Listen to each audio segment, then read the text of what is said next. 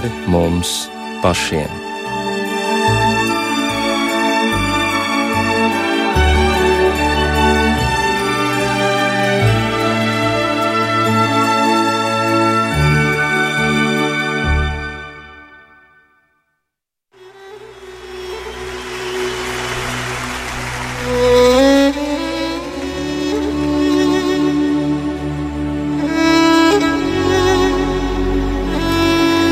Esiet sveicināti rādījumā pāri mums pašiem, lai ir slavēts Jēzus Kristus. Studijā Inte Zēgnere par skanējumu rūpējas Katrīna Bramberga, bet mūsu raidījuma viesi šoreiz attālināti ir Latvijas pareizticīgo baznīcas virspriesteris tēvs Jānis Dravans. Labvakar, tev Jāni, jūs dzirdat mūs? Labvakar! Jā, mēs arī jūs lieliski dzirdam. Un mūsu raidījuma viesņa ir arī Latvijas Kristīgās akadēmijas rektore Skaidrīta Gūtmane. Labvakar! Labvakar! Mēs šobrīd dzīvojam apstākļos, kad ierastais dzīves ritms ir izmainīts un daudzas arī ārēju iespaidu, kultūras iestāžu apmeklējumu gūšanas iespējas ir ierobežotas un Ir vairojusies arī vientulība, arī pārdomas par dzīvi, iespējams, jā, arī bailes no nākotnes, jo tik daudz ir neskaidru un joprojām neatbildētu jautājumu. Un, ja paliekam vienatnē un izolētībā, tad dažkārt šie jautājumi kļūst gandrīz nepanesami. Un nevelti kāds no svētajiem ir sacījis, ka mūsdienu lielpilsētas ir gandrīz tas pats, kas tuksnesis, bieži vienatnes, vientulības tūkstnesis, dvēseles tūkstnesis, jo aizvien vairāk mēs atsvešināmies, mēs nezinām, kas mums dzīvo kaimiņos. Tagad vēl jau vairāk mēs distancējamies un izolējamies, kā arī to prasa apstākļi, bet ne tā, kā to prasa cilvēka dvēsele, jo tā jau tiecas pēc attiecībām un tuvības. Un tāpēc mēs šovakar tiešām runāsim par tūkstnesi par to pieredzi, kas ir gūstama reālā tūkstnesī, un skaidrīta jūs daudzos tūkstnešos esat bijusi. Mēs droši vien varēsim iepazīt arī šos iespaidus. Runāsim arī par tūkstneša tēviem, kāpēc un kādas cīņas viņi ar sevi gribēja šai vidē izcīnīt, un arī kādus padomus iespējams mūsdienu cilvēkam šodien viņi var dot. Un runāsim arī par mūsu pašu tūkstnesi par to dvēseles tuksnesi, par vilšanās, nodevības, bezcerības tuksnesi, kā ļaut tām uzziedēt tam mūsu iekšējām tuksnesīm. Jo taču tuksnesis vismaz pavasaros noteikti zied. Bet nu, par, vispirms par tiem īstajiem tūkstošiem un pieredzi, ko tie mums sniedz. Skaidrīta, kādus tūkstošus jums ir nācies redzēt un tīri emocionāli, kas tad ir tūkstnesis, ko mēs tūkstnesī varam piedzīvot? Paldies par tādu interesantu uzaicinājumu, un man tiešām liels prieks ir, jo es biju nolēmis dzīvē kādreiz apceļot visus tūkstnešus pēc tam, kad es biju pabijusi vairāk kārt jūdejas tūkstnesī. Bez tam es vēl esmu bijusi Sinais tūkstnesī, um, Sahāras tūkstnesī, Arizonas tūkstnesī, un tad tie tūkstneši jau varētu teikt arī Namībijas tūkstnesī. Un, uh, un vairāk kārt jūdēs tuksnesī un daudz kārt sinais tuksnesī. Un tāpēc es varu tā pateikt, ka tas varētu būt skaistākais, kas var būt zemes virsū, tāpēc manī arī bija tāda vēlēšanās būt maksimāli daudz tuksnesī. Bet kas tur tas jo, nu, skaistais ir tiešām?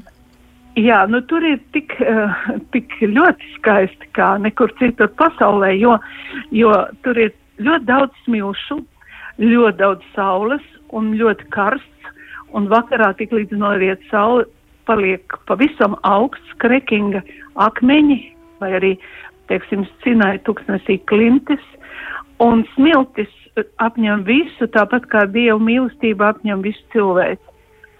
Un, un zvaigznes, kā, kā, kā, jā, karst, karst saule un smiltis taču nevar saskaitīt, un arī cilvēks nevar, cilvēks nevar saskaitīt tos, ko Dievs ir radījis. Un tā ir tāda Dieva žēlastības apliecināšanās un mīlestības apliecināšanās. Un tur ir tāds, tu saproti, ka cilvēks, tu tā sapratnes ir vērtīgs, tu saproti, ka cilvēks ir laiks smiltīs. Un es pats sev sacerēju šo aforismu, un tā es viņu bieži lietoju. Atceries skaidrīt, cilvēks ir laiks smiltīs ne, neplānot to, ko negrib Dievs, un nespēr dzīvē liekas un nevajadzīgus un tukšs soļus. Tāpēc tuksnesī galvenais ir apzināšanās, ka tu esi atkarīgs no Dieva un jāiemācās paļauties uz Dievu. Un ja tu, piemēram, tā kā viena amerikāņu grupa turistu aizgāja vienkārši aizgāja jūdais tuksnesī, nepaņemdam ūdens pudelītes līdzi un domādam, nu tāpat vien at, pastaigāsimies, atnāksim atpakaļ nākošā dienā. Jeruzalem Post bija pilns ar, ar, ar traģiskiem stāstiem par to, ka visa grupa ir gājusi bojā. Ārkārtīgi gudra ir tuksneša būtība. Cilvēki, ja tu paļausies uz Dievu, tu neaizies bojā. Ja tu aizmirsīsi par Dievu, tu aizies bojā. Un tāda jau ir arī mūsu dzīves būtība. Jā, bet eh, tā ir ļoti skarba pieredze. Es nesaprotu, kur ir tas vilinājums. Ir karsti, cepina saule, ir smiltis, ir diskomforts. Kur ir tas vilinājums? Kāpēc jūs sakāt, ka tā ir viena no skaistākajām vietām? Tāpēc, ka tur ir arī ļoti daudz vēja un pūsmu, un ir arī avoti un ir zaļas oāzes bet ir jābūt gudram, kur likt kāju un kā iet, un tas nav vienkārši, tāpēc man vispār nekas dzīvē nepatīk vienkārši. Jo visvienkāršākais ir darīt muļķības, un pēc tam paliek grūti, vai ne taču. Tāpēc tuksnesis ir tāds pārbaudas, uh, pārbaudas vieta, cik tu spēj uzticēties uh, Dievam, un cik citi cilvēki tev var uzticēties, vai tu esi īsts cilvēks. Nu, un tas skaistums tur ir, nu, kā, nu, protams, adekvāti ir jāapģērbās, bet, nu, saule jau nav tāda, ka viņas tev sacepinās. Piemēram, mēs kāpām augšā mm, Kristu kārdināšanas kalnā, ja augsts kalns taču jāuzkāp, ne mēs tur, bet visu laiku ir vējš un jāproti vēsmu notvert. Ja tu galīgs duraks esi un tikai tā slāja, tad jau nekas nav. Tāpat kā dzīvē nevar slāpt tā vienkārši. Ir jādomā, kur likt kāju, ar kādiem cilvēkiem satikties, kāpēc, jā, kāpēc ne. Un visi šie kāpēc jautājumi, tie ir tūkstneši jautājumi. Man vispār dzīvē nepatīk jautājumi ar vai, jo tos var uzminēt. Bet tūkstnesī neko nevar uzminēt. Kāpēc? Kāpēc kamielis raud? Tad, ja viņu grib aprecināt, nu pēdiņās, ja, ar ar, ar to kamieļu māti, kura nav radījusi viņam bērnus. Kāpēc skorpions kož, un, bet var arī nekost? Kāpēc ķirzaks ir ļoti skaists un ļoti bailīgs, bet čūskas nav? Un šie visi jautājumi. Un, um, un tūkstneši ir atšķirīgi. Tūkstneši ir atšķirīgi. Tūkstneši vispār nav vienādi. Piemēram, Arizonas tūkstnesis, kad viņš zied, tas izskatās kā paradīzes dārs. Bet um, uh, Sīnais tūkstnes, tas ir rēts tūkstnes. Nu, tas ir tāds kā neviens cits tūkstnes, jo to, tur ir viscaur klintis, tā kā mūsu 13 uh, stāvenes mājas, tādas milzīgas klintis un smiltis, un klusums mūžīgais. Un, kad mēs gājam cauri mūsu, tur, sinai, tur ir Katrīnas klosters, un tur sapazinos ar ļoti burvīgu ikonu gleznotāju. Vispār man meita Beāta iepazinās, un vēlāk es arī ar kolosālu ikonogrāfijas meistaru, un viņš mūs veda uz Jāņa pakāpnieku, svētā Jāņa pakāpnieku celi. Un mēs gājām tur kilometriem caur tam tūkstnesim, un tad es sapratu, kā, kāds bija tas mūzus uh, gājiens, Izraēla tautas gājiens caur šīm tūkstnesim. Kā tur vispār mūzus viņus nevarēja izvest, ja Dievs viņus nebūtu veids. Jo tās klintis ir milzīgas, milzīgas, nu, pilnīgi akmeņu klintis, blāķi tādi, līdz pašām debesīm. Un tie cilvēki tik maziņi, tik atkarīgi no Dieva, un ka viņi gā, iet apkārtai klintī, viņi taču nezina, aiz tās klints var slēpt, slēpties šakāļu bars. Tur vispār kāju nevar spērt, ja Dievs neved, un mēs taču Bībelē lasam, kā viņus, diev, kā Dievs viņiem mācīja ticēt un paļauties uz Dievu tajā tuksnesī, un kā viņi izgāja cauri, tikai Mūzes neiegāja apsolītajā zemē, bet taču Izraela tauta sasniedz to apsolīto zemi. Un atkal Jēriks pilsētā es biju tuksnesī tur Jērikas pilsēta ir vecākā, desmit tūkstoši gadu pirms Kristus vecākā pilsēta pasaulē, un tā pilsēta tur ir. Un, un, un jūs zinat, no Bībeles mēs zinām, ka mūri sabruka tad, kad Izraela tauta muzicēdam gāja apkārt tiem mūriem. Un tā Jērikas pilsēta ir izžuvusi, nu viņa ir pilsēta, jā, bet mums, mums akadēmijā ir ķieģels no Jērikas pilsētas mūra. Mēs viņu rādu vienmēr studentiem, un tad mēs viņu noskūpstam. Tāda svēta vieta, kur, kur mūri sabriku, sabruka no mūzikas, un visapkārt milzīgs karstums. Tur esot, var saprast, ka no mūzikas var sagāzties mūri. Lūk. Tādas Jā. neparastas, jo parasti, nu, visur ir skaisti Dieva radītajā pasaulē. Nekur nav tik skaisti kā, um, kā tuksnesī, tāpēc, ka tas ir tik cieši saistīts ar Dievu, ka tu pilnīgi saproti, no 200%, ne 500%, ne 1000%. Cilvēks nav pašpietiekama būtne. Jūs taču sasniedzāt Jāņa pakāpnieka cēli. Jā, taču, protams, mēs tur sēdējām un klusējām, un es pirmo reizi dzīvē sapratu, kas ir klusums. Tāds kā, nu, es, tas, saprotiet, nevienas skaņas, visapkārt klintis un smiltis, saule, neviena auga, maza pareizticīgā baznīciņa, un blakus baznīcai tā cele, kur Jānis pakāpnieks, nu, kur Dievs viņam faktiski atklāsim deva, kā notiek, kā rit cilvēka garīgā dzīve. Un tas ir viens no iemesliem, kāpēc man riebjas vārds garīgums. Tāpēc nav garīguma, tas ir tukšs vārds. Ir Dieva svētā gara vadīta dzīve, kad Dievs pats vada cilvēku gudrībā, atklāsmē, izpratnē par to, kas ir un kas nav cilvēka attiecības ar Dievu, kas ir un kas nav gudrs cilvēks. Tāpēc tūkstnesī tādas galvenās atklāsmes notiek cilvēkā. Un to man ir teikuši arī citi cilvēki, kas ir bijuši tūkstnesī. Nu, un gal beigās lai nešķirtos no dieva, tuksnesī devās Antonijs Lielais, Sīrijas Efraims, Arsenijs Lielais un daudz, daudz svētie, tā saucamie tūkstneši tēvi, viņi devās tuksnesī. Kāpēc? Lai neiekļūtu lamatās, kuras pasaulē ir izlicis velns, un tāpat kā šodien arī citos laikos. Jā, un tie, kas, jā. jā, un kas viņa gribu pilda, tie, kas vēlna gribu pildu, tie tie varētu un gribētu iznīcināt visu dieva radīto. Un mūsu civilizācija arī, taču, ja mēs tā paskatāmies bez tukšanas, ir tāds fanķiks. Ļoti smuki ēti, pielāgots, sakārtot, sa salocīts, bet drausmīgs sekus. Un lūk, tāpēc arī tie senie tēvi gāja tuksnesi, un mums arī jāpārdzīvo tuksnesi. Jā, es tagad gribu vaicāt tēvam Jānim. Uh, Kāda tad ir tūkstnešu tēvu pieredze? Gribu zināt, ko tad viņi tur ieguva, redzēja, saprata. Kāda bija šī pieredze? Jau tika minē, minēts Svētais Antonijs Lielais. Viņš laikam bija viens no pirmajiem, kas aizgāja tuksnesī, bet viņš taču noteikti atstāja kaut kādus padomus. Ir taču kaut kas no tā laika saglabājies. Mums tas nodara?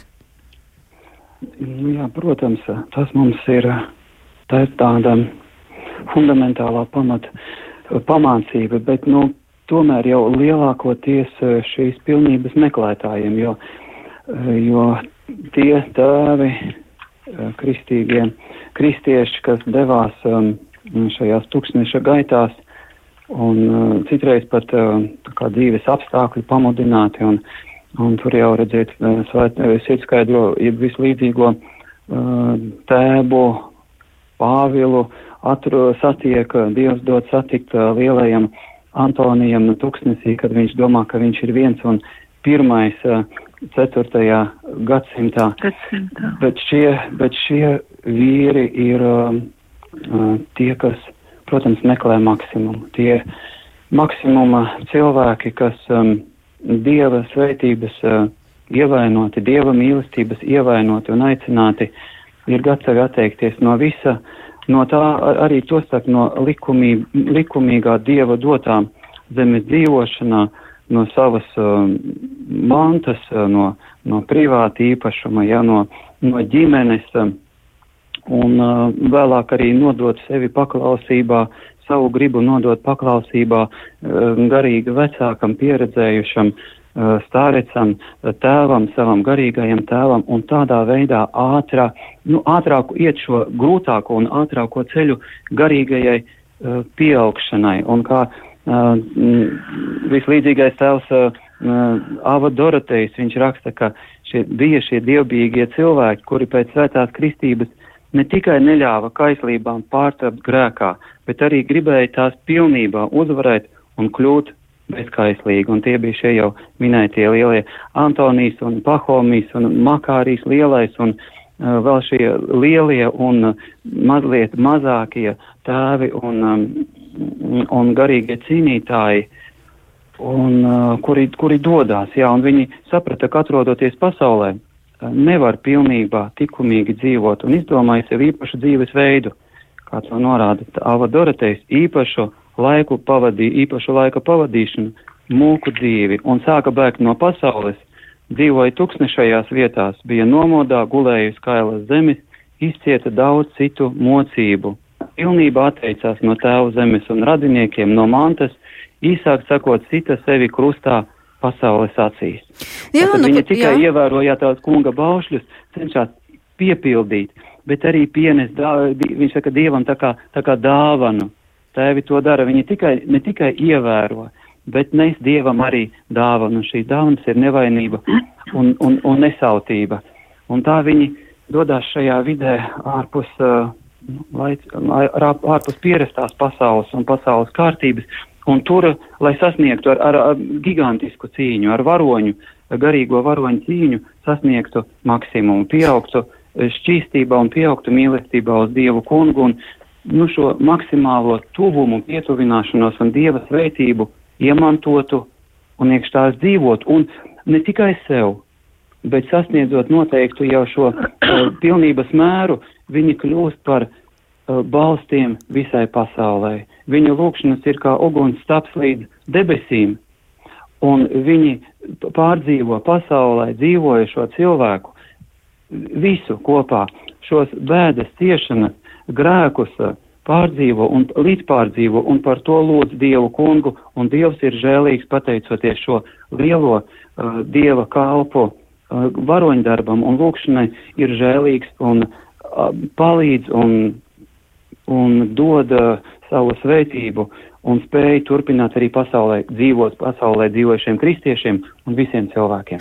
Jā, interesanti, ka es lasīju kaut kur par uh, Svēto Antoniju Lielo, uh, par ko jūs jau minējāt, kurš 4. gadsimtā dzīvoja ka viņš nebēga no pasaules, bet viņš devās tūkstnesī divcīņai, lai vaigu vaigā cīnītos ar ļaunumu, kas ir daudz sarežģītāks, daudz briesmīgāks un daudz postošāks par ļaunumu, kas ir ap mums pasaulē. Viņš gāja uz tūkstnesi, lai cīnītos ar ļaunumu sevī. Kā jūs varētu to komentēt? Vai tā var teikt, ka Tuksnesis ir arī vieta, kur var uzzināt, kas es patiesībā esmu.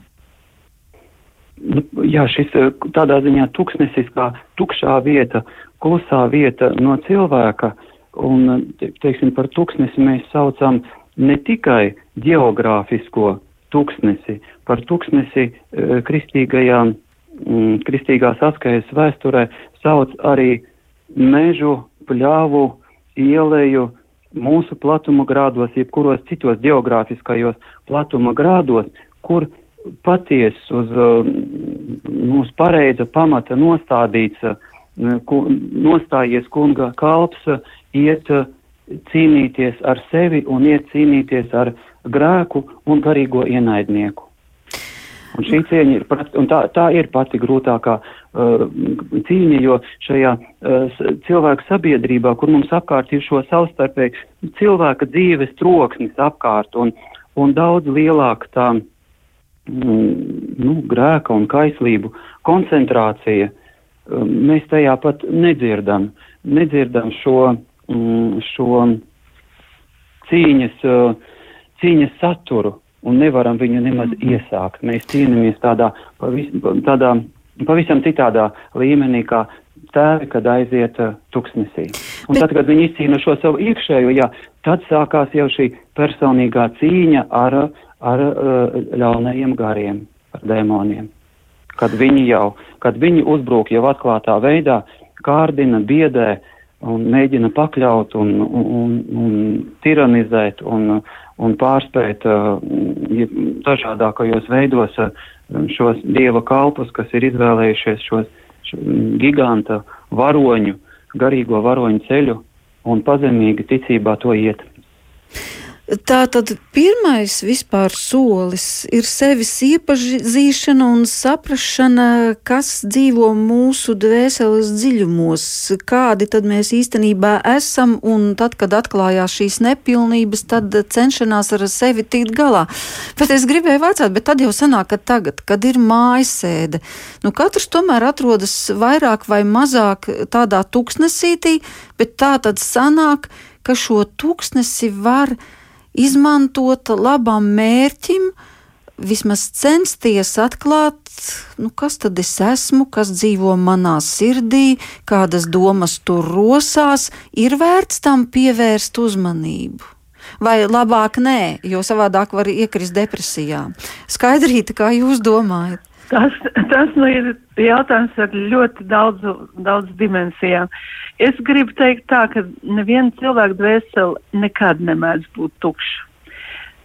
Vai viņš tic dievam, vai viņš netic dievam, un arī ticīgi cilvēki, nu mūsdienu cilvēku dvēselē, tur ir zirnekļu tīkli, tur ir putekļi un drazas, un kaislības, kā priesteris teica, un tukšas runas, un grūtsirdība un rība, un netiklība, un lepnība, un godkāri, un, uh, un, un, un zākāšanās. Ar ūdeni to nevar nomaskāt, un arī dzert var no kristāla glāzēm un slāpstik, un tā tādā dvēselē būs drausmīgi lielas. Un tāpēc es vienmēr tā domāju, kad 40 gadus ebreji gāja pa tūkstnesi, pa to traus, drausmīgo klinšanu no tūkstneša, iedomājieties, 40 gadus. Mēs tā esam divas gadiņas tūkstnesī tagad. Un kāpēc Dievs viņus veda tik tālu uz to apsolīto zemi? Nu, ja tā simboliski mēs pārdomājam, tāpēc, ka viņi bija vergi Eģiptē. Un mūsdienu cilvēks, tāpat kā senie Izraēli cilvēki, ir vergs grēkam vis visādā veidā šajā modernajā pasaulē. Un 40 gadi vajadzēja Dievam vest Izraēlu tautu caur tūkstnesī, lai zustu verga pasaules uztveres modelis. Un es, kad lasu svētos rakstus, pārsteidzu. Man pārsteidz tas, ka simt reizes atkārtojas frāze: Es esmu kung, tas kungs tavs dievs, kas, tav, kas tēvu grēkus piemeklē līdz ceturtam, trešam augumam pie tiem, kas man ienīst, un parāda žēlstību pie tiem, kas man mīl un tur mans balsts. Visu laiku atkārto. Tāpēc, ka es saprotu tā, ka lai cilvēks vai tā, tas senais cilvēks vai šodienas cilvēks, lai viņš atbrīvotos no savas verga dvēseles, jo Dievs negrib viņu tādu redzēt, ka viņš vergo vēlnam un šīs pasaules visai tai seklībai, un lai viņš ie, iemācītos paklausīt Dievam.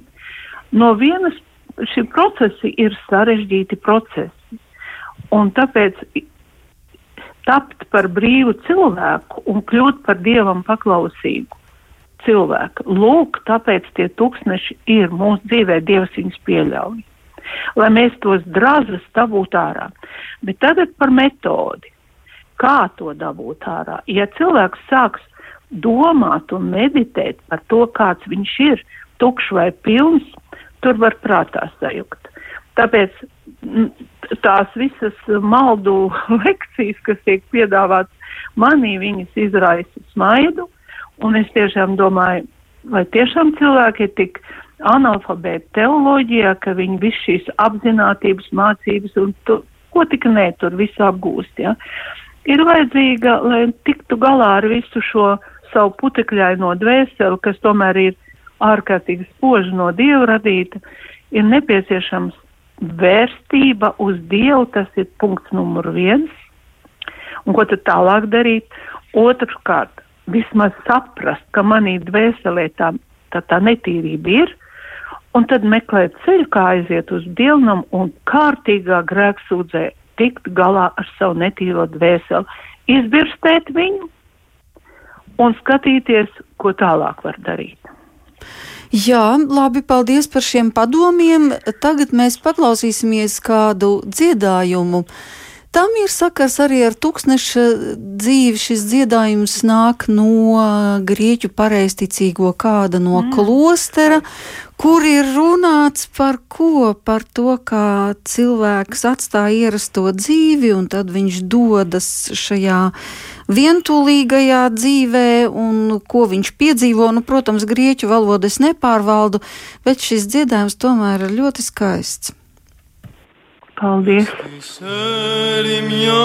στα καλή, στις πηλιές και στα βουνά κι που λουλουδάνθουνε και λαλούνε τα πουλιά κι που λουλουδάνθουνε και λαλούνε κατοικούν αγνές υπάρξεις σαν τα κρίνα του αγρού κι απ' τα ρόδα πιο ωραία είναι η μοναχή Χριστού. Κι απ' τα ρόδα πιο ωραία είναι η μοναχή Χριστού εγκατέλειψα τον κόσμο φίλους τους και συγγενείς. Το Θεό και τους Αγίους έχουν τώρα για γονείς. Τον Θεό και τους Αγίους έχουν τώρα για γονείς. Μέρα νύχτα γλυκά ψαλούν στον Ινφίο τους Χριστόν που τους τόλισε με χάρη σαν περίστερα κι αγνού που τους τόλισε με χάρη σαν περίστερα κι αγνού. Πριν ο ήλιος ανατιμεί και ροδίσει χαραυγή πριν η βούλια βασιλεύσει κάνουν θεία προσευχή. Πριν η βούλια βασιλεύσει κάνουν θεία προσευχή. Και οι άγγελοι διαβαίνουν δίπλα τους σαν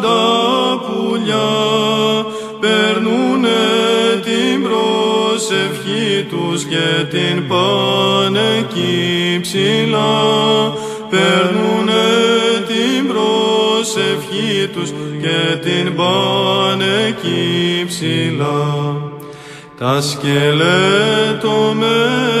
χέρια που κρατούν στην προσευχή το ιερό το κόμπο σχήνει και τον συναξαριστεί. Το ιερό το κόμπος σχήνει και τον συναξαριστεί.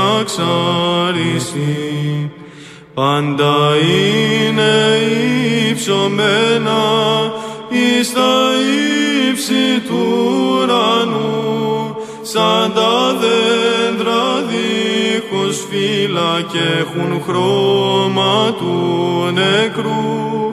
Σαν τα δέντρα δίχως φύλλα και έχουν χρώμα του νεκρού. Σαν σημάνει η καμπάνα και το σήμαντρο μαζί και ο ήχος του ταλάντου το αλλάζει η ζωή και ο ήχος του ταλάντου το αλλάζει η ζωή Nu, kad paklausās šādu Kā dziedājumu, jā, tad tāda Tāda miera, tīrības sajūta rodas, jā, protams, ka pat askēzi var dzirdēt pilnīgi citu mm. dzīvesveidu, un tāda rodas vēlēšanās kaut kur aizmukt no visām negācijām, no burzmas, no nezinu kā, bet kur nu tu tā muksi? Tev ir jāsēž mm. no pulksten astoņiem vakarā mājās un jāpild visi tie pienākumi, kas ir uzticēti. Bet eh, tev, Jāni, es gribu vaicāt arī, nu tagad apstākļos, kad arī daudzi dievnami ir cieti, Un tomēr šī tūkstneša sajūta mēdz būt ļoti briesmīga. Sevišķi cilvēks nezina, ko darīt, nezina, ko darīt ar savu dzīvi. Varbūt viņš jūtas, ka viņš ir vispār savu dzīvi paspēlējis, nepareizi nodzīvojis, kas priekšā nav skaidrs. Un, ja sevišķi, ja nav radinieku blakus, ja tiešām ir šī vienatne, vientulība, kā nu, tas ir neizturams tūkstnesis, ko jūs ieteiktu darīt? Nu pirmkārt jau mums vajadzētu uh, īstu tūkstnesi, jo ja mums ir mājās ieslēgts radio, televizors, um, dators ar mm, vispasaules bezgalīgo pieslēgumu, tad jau nekāds tūkstnesis nav, ir tikai mūsu, mūsu tādu ierasto darbību ierobežojums. Tev, Jāni, te es gribu jūs pārtraukt, jo Es gribu vaicāt, vai tomēr nav tā, ka šie ārējie impulsi, radio, televīzija, internets, kaut kas, varbūt no tāda izmisuma pat glābi. Cilvēks no rīta pieceļas un viņš jūtās tik slikti, tik tukšs, tik vientulīgs, ka tad, kad ieslēdz to rādio vai citu kādu ierīci, tomēr tas kaut kā, tuk, tu, nu, kā lai saka, tušē to sajūtu. Vai tā nav? Ja Jā, ir nu, kaut kā savādāk. Ir, tas, nu, tā ir, ja mēs gribam piepildīt uh, šo dvēseles uh, tūknesi, nevis viņu padarot par oāzi, bet turpinot uh, dzīvot tuk, tuksnesī, tukšumā. Nu, mums ir šī galvenā cilvēkam dotā axioma, ka ir Dievs kungs, ka ir dzīvais, personīgais Dievs, radītājs. Un Dievs, kurš uh, ne tikai mīl cilvēku, viņš mīl cilvēku vairāk kā jebkurš uh, mūs mīl šajā mūsu dzīvē, bet viņš pats ir mīlestība. Un viņš gaida mūsu atgriešanos, katra no mūsu personīgo atgriešanos pie Dieva kunga, šīs ticības um, uzmeklēšanu, iegūšanu un uh, sekošanu patiesajam dievam. Nu, kā lai tu, tēvam un dēlam un svētajam garam. Nu, un kungs pats ir teicis un apsolījis, nu tie ir viņa vārdi lūdziet, un jums taps dots, klaudziniet, jums atvērs, meklējiet, atradīsiet. Nu, un uzticīgs, protams, ir tas, kas to ir solījis, un svētais Makārīs lielais par šiem vārdiem jautā, vai mēs meklējam, lūdzam un klaudzinām, vai mēs gribam saņemt, bet novēršamies, mēs gribam iekļūt, bet ejam garām. Mēs meklējam un neticam tam, ko gribam saņemt. Nu, mm. mums šī, lai mūs iedvesmotu šī patiesība, ka Dievs ir un ka Viņš ir mīlestība un ka Viņam pieder mūžība un Viņš mums ir sagatavojis grēku, nu, gatavs gatavs piedot jebkurus mūsu grēkus, ja vienmēr, ja vien mēs spējam atgriezties un gribam atgriezties un lūdzam piedošanu, sagatavojas mums ir mm, mierpilnu un svētīgu dzīvošanu grūtajā zemes dzīves tuksnesī ar visiem zvēriem, pārbaudījumiem, klintīm, kalniem un, un aizām un, un visu pārējo. Un vēl sagatavojas arī šo mūžīgo dzīvošanu, šo svētlaimīgo dieva tūmā būšanu mūzī, mūžībā, nu šīm patiesībām katru no mums vajadzētu iedvesmot, un uh, mums vajadzētu kaut ko izdarīt, uh, pamēģināt izdarīt kaut ko, uh, lai šīs, um, šos apsolījumus piepildītu katra no mūsu dzīvē. Nu, sākt šodien, nu šodien vērsties lūkšanā pie Dieva kunga, kādā mēs varam, ja mēs pavisam vāji ticam, nu, tad lūk to lūkšanu kungs, ja tu esi ja tu esi atklājies man, parādies man, dāvā man ticību tev, jo ticība ir Dieva dāvana, ko cilvēkam ir jāmeklē. Tiem, kas jau mēs ticam, nu, patiešām paskatīties uz, uz sevi no malas godīgi, nu, ja, ja varam teikt arī otrādīgi, ieskatīties savā sirdī, ieraudzīt tur to, kas nav kārtībā, par ko mūs apsūdz mūsu sirdsapziņa, par ko apsūdz arī mēs izlasām kunga svētos baušļus, un vērsties vienkāršā lūkšanā, kā Kristu Dievs, piedod man grēciniekam to un to un to un visu. Un ar mazu redzamo vai neredzamo sirds asariņu vērsties pie kunga, un mēs, mēs varam reāli saņemt mūsu grēku piedošanu, varam iemantot mieru, varam ieraudzīt šo gaismas ceļu pie Dieva un pie tādas cilvēcīgas, pilnvērtīgas dzīves, kuru Dievs mums caur svēto baznīcu ir dāvājis caur šo, šo kā, kā m, Dieva atklāsmes glabātāju, kā svēto noslēpumu glabātāju un mūsu garīgo m, paēdinātāju un piepildītāju uh, mūsu um, zemes dzīvošanas laikā. Tad mums visiem šī iespēja ir iespēja ir unikāla, vienreizēja un viņu nevar, nu, viņa ir pat, viņa ir neaprakstāmi liela un augsta. No otras, kaut kāds drusku viņa tā kā vienkārša, varbūt tas kaut kā cilvēku um, liekas pārāk viegli, pārāk lēti, bet, nu, Dievs ir tāds, viņš to mums ir devis, un kā jau, kā jau, um, kā jau rektore uh, teica, nepaļauties kaut kādām lētu, nepamatotu, nepilnīgu mācību vējām un vētriem un vē, plūsmām un nemeklēt uh, tajās uh, glābšanos. Glābšanās ir Kristū Dievā, viņa dotajā šajā patiesības ceļā, viņa svētībā, viņa svētajā baznīcā. Jā, labi, bet ja mēs atļausimies pat tādu eksperimentu vienu dienu pavadīt klusumā, Bet domas, tās taču nav iespējams apklusināt. Varbūt skaidrīt var papildināt, ko tad ar tām iesākt? Kad, nu, ir tā, kad, nu, ir tā, kad runājot no bibliskās antropoloģijas viedokļa, pilnīgi precīzi jārunā, ka cilvēki dzīvo ar saprātu. Viņi dzīvo tieši tāpat kā dzīvnieki, lietojot saprātu. Un tas ir šausmīgi. Tas ir šausmīgi no vienas puses, tāpēc, ka Dievs ir devis tik bezgalīgi gudrību un prātu cilvēkam, bet bez Dieva cilvēks prātu iegūt nevar. Saprātu var izglītot. Tas ir tā saucamais modernajā valodā intelekts, kur mēs varam pat profesoru grādus iegūt un doktora disertācijas aizstāvēt. Un tik un tā neko nesaprast no dzīves no kā sastāv dzīves mūsu process.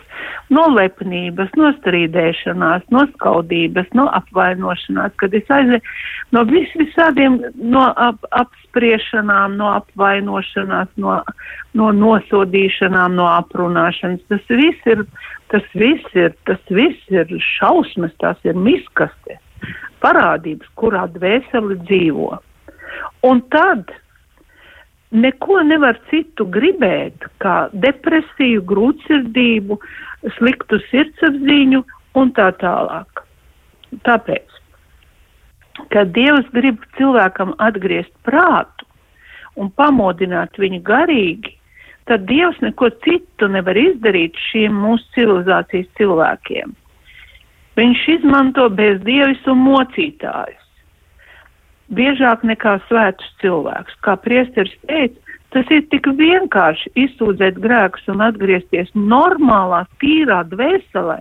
Nē, vai kaut ko briesmīgi smalku un iz, tas ir tāds provinciāls smalkums, ko vajag. Tas vienkārši baznīcā aiziet, izsūdzēt grēkus. Nu, kas tad tas? Tas taču nekas nav. Lūk, un uh, un tas notika arī svēt, senajā Izrēlā, kad pie izrēliešiem nāca pravieši, viņi neklausījās, viņi izsmēja aizspied ausis, Jeremija bija gatava sazāģēt uz pusēm nelabojās. Un tad, kad nebukad nāca ar ķēmu priekšā vajadzēja paklanīties, tad paklanījās. Un tad, kad nonāca bādos gūstā, tad izmainījās. Lūk, tāpēc uh, kosmētiskais remonts dvēselē absolūti nepalīdz, un nav ko grimt domās, skumjās un pasaulīgās skumjas iedzen tikai uh, nu, depresijā. Bībels bet kaut kā, jā, bet kaut kā taču no viņām jātiek ārā ir. Es pateikšu un lūdzu pierakstiet un ierakstiet. Es no pieredzes varu pateikt, man ir milzīga pieredze darbā ar studentiem, kuriem ir visādas smalkas skaitas. Un es viņiem vienmēr saku vienu lietu, un es to jau sen, ka mans vīrs bija mācītājs, luterāņu mācītājs, ka tur nāca cilvēki klausīties no nu, konfirmācijas nodarbības un gribēja man pastāstīt par savām nelaimēm un, un, un, un dvēseles problēmām. Es teicu, vai nerunāsim par to. Ejam pie altāra, nometīsimies uz ceļiem Dievu priekšā, un es jums priekšā pateikšu grēksūdzes lūkšanu.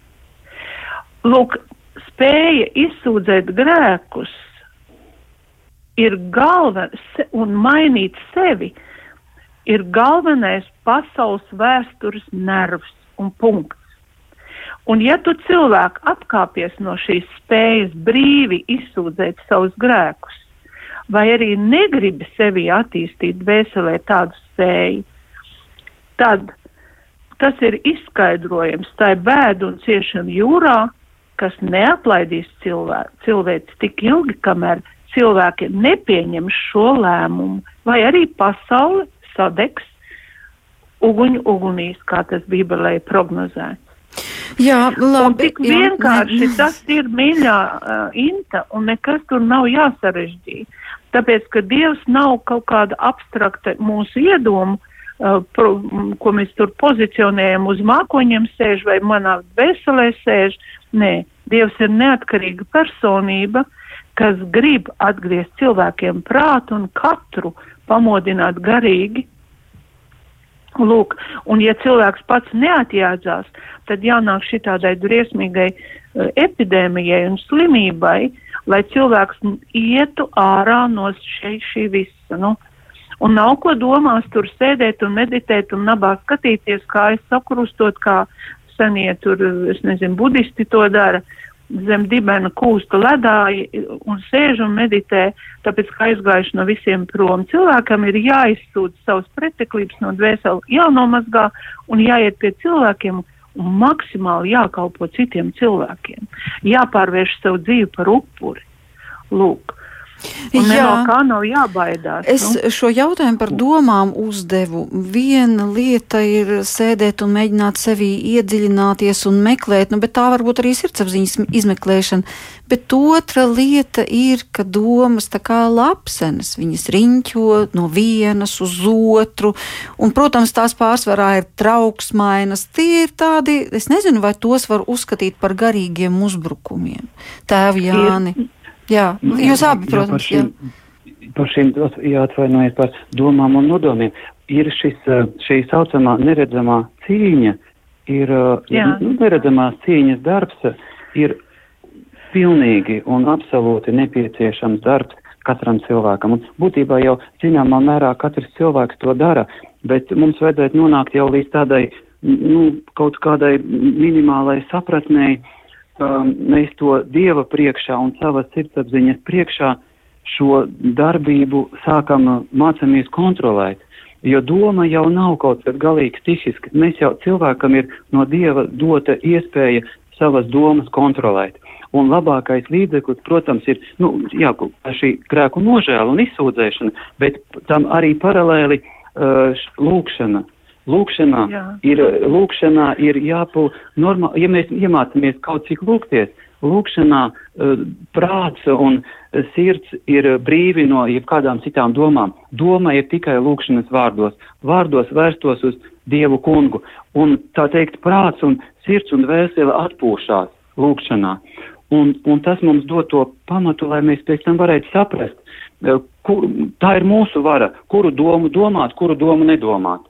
Un tā cīņa ir, kad mēs, tad, kad mūsu sirdsprāts redz, ka tuvojās nepareiza doma, nesaulaicīga, tāda, kas mēs jau esam tūkstošreiz pārbaudījuši, viņi mūs uztrauc, izsit no sliedēm un, un tā tālāk un kārdina. Mums viņa ir jāizdzen. Ar vienkāršu lūkšanu kungs apžēlojies, kungs palīdzi vai garāku, kungs Jēzu Kristu Dieva dēls apžēlo mani grēcīgo un pieliekot to Dieva doto, uh, nu, šo garīgo spēju savas domas kontro, kontrolēt, kaitīgās aizzīt un, un, un, nes, un to starp arī nesaulaicīgās. Ja, saprotam, par ko es runu nesaulaicīgās.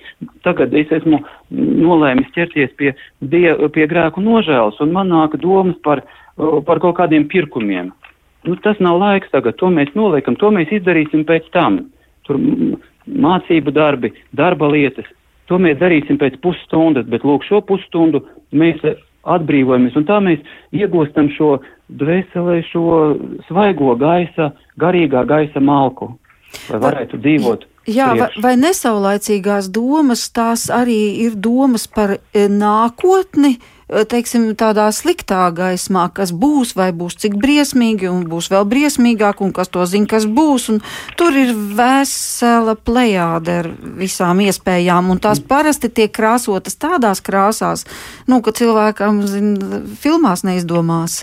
Un tad rodas, protams, jautājums, vai tiešām tās ir manas domas, vai no kurienes tās nāk? Lūdzu, skaidrīt. Un, un, es domāju, ka tās Jānis jau ļoti labi to ieskicēja. Viņš jau teica, ka mēs jau dzīvojam, eh, mēs, cilvēks primāri ir garīga būtne.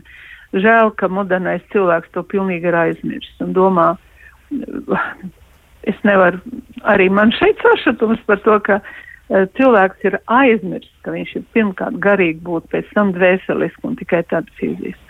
Viss ir tā kā sagriezts ar kājām gaisā, un tad tās domas, protams, mēdz būt visāds, un kurš gan var nokontrolēt savas domas. Un uh, tās domas, protams, arī cilvēkam uh, apkārt nav jau tikai, um, ja mēs esam dievnamā, mūsu apkārt ir eņģeļu pasauli. Mums viņa reāli, mēs viņus neredzam tos eņģeļus, bet tur ir svēta vide un tur vēseli uzelpo. Bet izai cauri stacijas tuneks, tunelim, tev apņems demonu bari riņķī.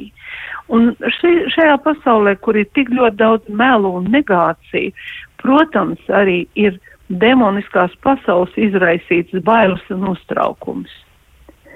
Un, uh, un cilvēki baidās no slimības, baidās no nāves, baidās un nāk tās domas, ka darbu zaudēs un visādas nelaimes būs un baidās no vientulības un atstātības un grūtvedības un, un vienkārši no tā, ka bērni neklausīs un sieva būs neusticīga un vīrs piekrāps un kas viss kas nav. Man cilvēki ļoti daudz dalās ar savām domām un tā. Tāpēc tas, ar ko vienmēr pareizticība ir izcēlusies kā tāds kristietības antīkais modelis, sanākais modelis, cilvēkam ir jāiegūst domas skaidrība domas skaidrība. Tas, kā mums ir doma juceklis, tas ir normāli. Un šīs domas gan mums būtu piespēlē gan tumsas gari, gan arī ik brīžam, ja mēs satiekam kādus gaišus cilvēkus, mēs sākam uz sevi paskatīties arī mazliet savādāk, jo mums ir kaut kāds gaismas mirklis, kaut kāds nebeidzams gaismas dzīvības moments noticis šajā satikšanās. Bet iegūt domu skaidrību, Lai iegūtu domu skaidrību, ir ļoti labi jāapzinās, no kurienes bailes ceļas. Bailes cilvēkā var būt no dažādiem avotiem, ļoti kompleksiem avotiem. Tie var būt meli, kas apņem mūs katru dienu. Tie var būt kaut kādas traumas bērnībā. Tie var būt cilvēki, kas ir piekrāpuši tevi vai kaut kādas iedomas. Galvenās, galvenie divi cēloņi bailēm ir tas, ka Ja tev ir bailes, tad tev ir jāsaprot, tu esi maldos, jo tu esi iedomājies vadīt savu dzīvi bez dieva, justies tā kā pašpietiekam būtne. To jau ļoti sen šveicis psihiatrs Jungs aprakstīja, ka bailes viņš pētīja bailes, un viņš teica, bailes cilvēkā rodas tikai tāpēc, ka cilvēks dzīvo it kā dieva nebūtu. Un otrs ir, bailes rodas no tā, ja tev materiālā pasaule ir vienīgā pasaule. Un šeit ir kāds stāsts, es atceros, Izrēlā viens rabīns stāstīja, ka kaut kad 1917. vai kurā gadā vai ir notikums bijis tāds, ka, ka um, komunisti ir gribējuši nošaut vienu ticīgu, ļoti dziļi ticīgu ebreju un parādījuši viņam revolveri, ja viņš nepiekritīs režīmam, tad viņu no, no, nošaus. Un viņš, man tā atbilde palikusi ir, uh, visu mūžu atmiņā. Viņš ir teicis, šī spēļu mantiņa var nobaidīt vienīgi tādu cilvēku, kam ir viena pasaule un daudz dievu. Bet man mīļais ir viens dievs un nebeidzama dzīvība un divas pasaules. Lūk, un ja tu apzinies, ka ir nebeidzamā mūžības pasaule un ka tu esi radīts, radīts nemirstīgs, tad pat tad, ja tu esi izdarījis kaut kādas kļūdainas izvēles, vai pēc savas būtības kaut kas tev nenā, ne, nesanāk dzīvē tā, kā gribētos. Ir viena, viens ceļš, vērsi, vērstība uz Dieva, un apzināties, ka apkārt tev ir cilvēki, kas, protams, ir nepatstāvīgi, kas, protams, var piemānīt, ka, protams, vērtības ir katram savādākas. Bet vienīgais cilvēks, kura atzinība tev absolūti ir nepieciešama, tā esi, tas esi tu pats. Un to tu varēsi iegūt tikai tad, un vienīgi tad, ja tu integrēsi Dievu visā savā dzīvē. Jā, paldies. Ar to mums arī raidījums ir jānoslēdz. Es ar vienu pavisam īsu jā vai nē gribu vaicāt vēl tēvam Jānim, vai mums var palīdzēt psalmu lasīšanu. Kad vientulība uznāk, vienkārši atšķiram, lasam pēc kārtas visus vai kā.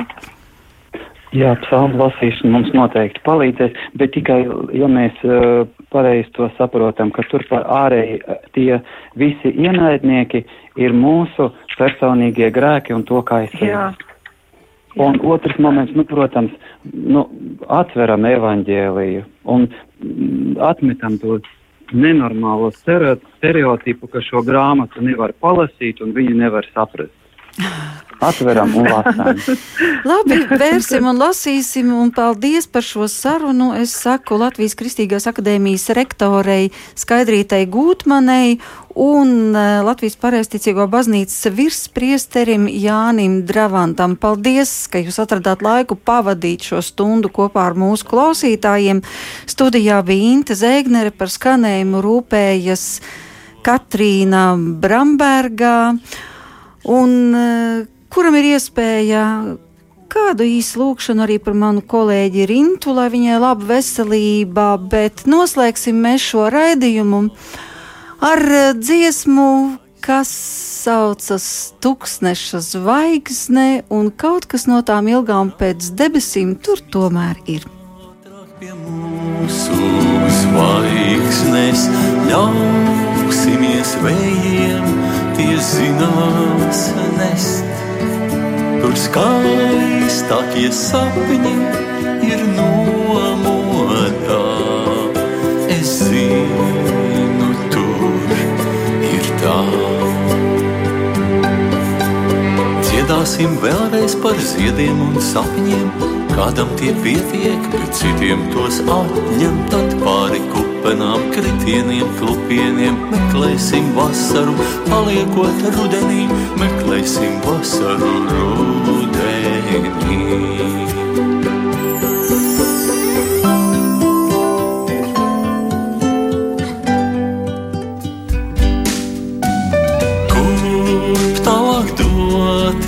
uz kuru pusi mākoņi nezin, debes klusē jāmeklē pašiem gaismas rīti par prieku, par spīti.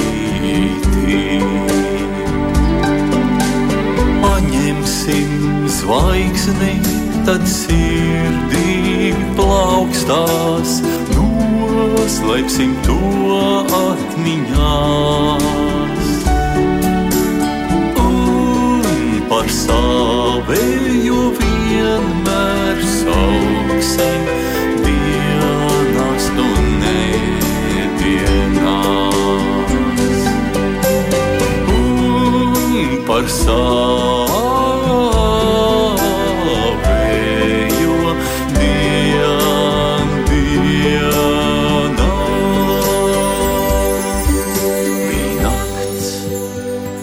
visām zvaigznēm debesījumā. Ar pirkstu galiem es tām pieskāros.